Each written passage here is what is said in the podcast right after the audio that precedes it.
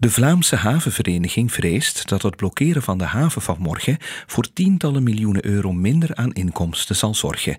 Ze noemt de actie dan ook onverantwoord. Het is een logische reactie vanuit de havenwereld, meent Patrick van de Perre in Gazet van Antwerpen. Maar ergens, verscholen achter een schuur, is een protest zinloos. De oplossing ligt, althans voor een deel, in politiek Brussel.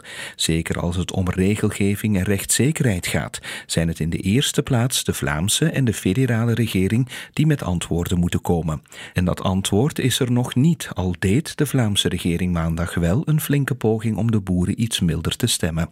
Het lijkt er vooral op dat de Vlaamse regering tijd probeert te kopen om de boeren van snelwegen en havens weg te houden. Eenzelfde onderwerp bij Hannes Heinderiks in het Nieuwsblad. De powerplay van de ministers Demir en Broens om in het belang van hun eigen verwante organisaties beslissingen door te duwen, heeft een averechts effect. Iedereen heeft door dat ze arm worstelen omdat ze straks concurrenten zijn in de Limburgse electorale arena. Maar hun politieke strijd gaat ten koste van duidelijkheid voor de boeren. Ze hebben het gevoel dat er niet geluisterd is naar hun fundamentele bezorgdheden. Die gaan niet over het al dan niet mogen gebruiken van een bepaalde pesticide. Dat is vooral de bekommernis van de landbouwlobby. Voor de landbouwer zelf gaat het om duidelijkheid, eerlijkheid en consistentie. En die legt de Vlaamse regering niet aan de dag. Ze hoort, maar luistert niet. Er hangt een atoombom boven de volgende regeringsvormingen. Dat zijn de woorden van professor Herman Matthijs, gespecialiseerd in overheidsfinanciën. Dat schrijft Timmy van Diepen in het Belang van Limburg. Aanleiding zijn de nieuwe Europese begrotingsregels, die zullen als duimschroeven fungeren voor landen die het niet zo nauw nemen met hun financiën.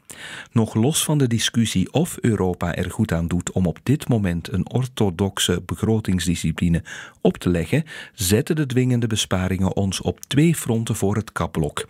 Het eerste, waar moet er federaal dan wel worden gesneden? Ten tweede, Welke inspanningen doen de gemeenschappen en gewesten? Wat de conclusie ook is, onze financiën opnieuw op orde krijgen zou het onderwerp moeten zijn voor 9 juni.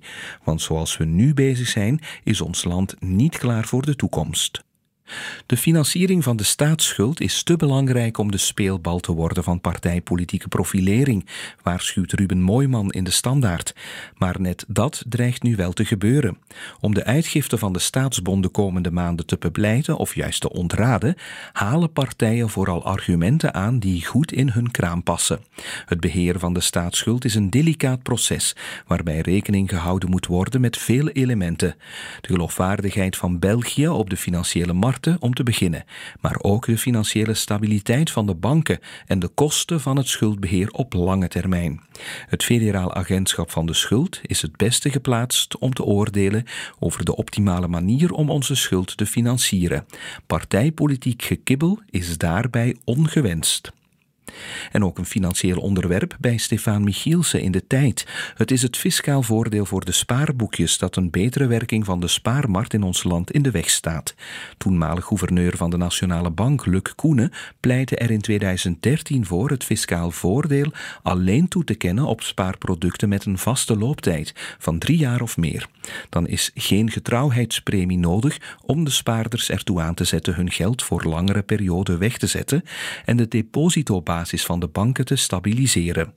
Het idee is al meermaals geopperd, uit verschillende hoeken, maar het afschaffen van het fiscaal gunstregime voor het gewone spaarboekje, dat geen economische ratio heeft, is voor de politieke wereld om moeilijk begrijpbare redenen onbespreekbaar. Het meest geruststellende dat je over de NAVO-uitspraken van de Republikeinse presidentsfavoriet Donald Trump kan zeggen, is dat ze niet nieuw zijn. Dat lezen we bij Bart Eekhout in de morgen. Het heeft weinig zin om hier in Europa te beven of te waarschuwen voor een nieuw Trump-tijdperk. We kunnen daar nogal weinig aan veranderen. We kunnen ons wel voorbereiden op die snel veranderende wereld, met een onberekenbare bondgenoot in het westen en een buurman die weer meer vijand wordt in het oosten. De volgende regeringen zullen op een budgetair bijzonder wankele koord het evenwicht moeten houden tussen de begroting op koers krijgen en bescherming organiseren tegen toekomstige crisis. Er is eigenlijk geen weg rond, maar je zou wel een leerzaam en ideologisch splijtend debat kunnen houden over hoe je dat dan doet. Gaan we dan echt nog vier maanden toekijken op een kiescampagne vol beloftes die onmogelijk nagekomen kunnen worden? Het is dinsdag 13 februari vandaag en dit waren de krantencommentaar.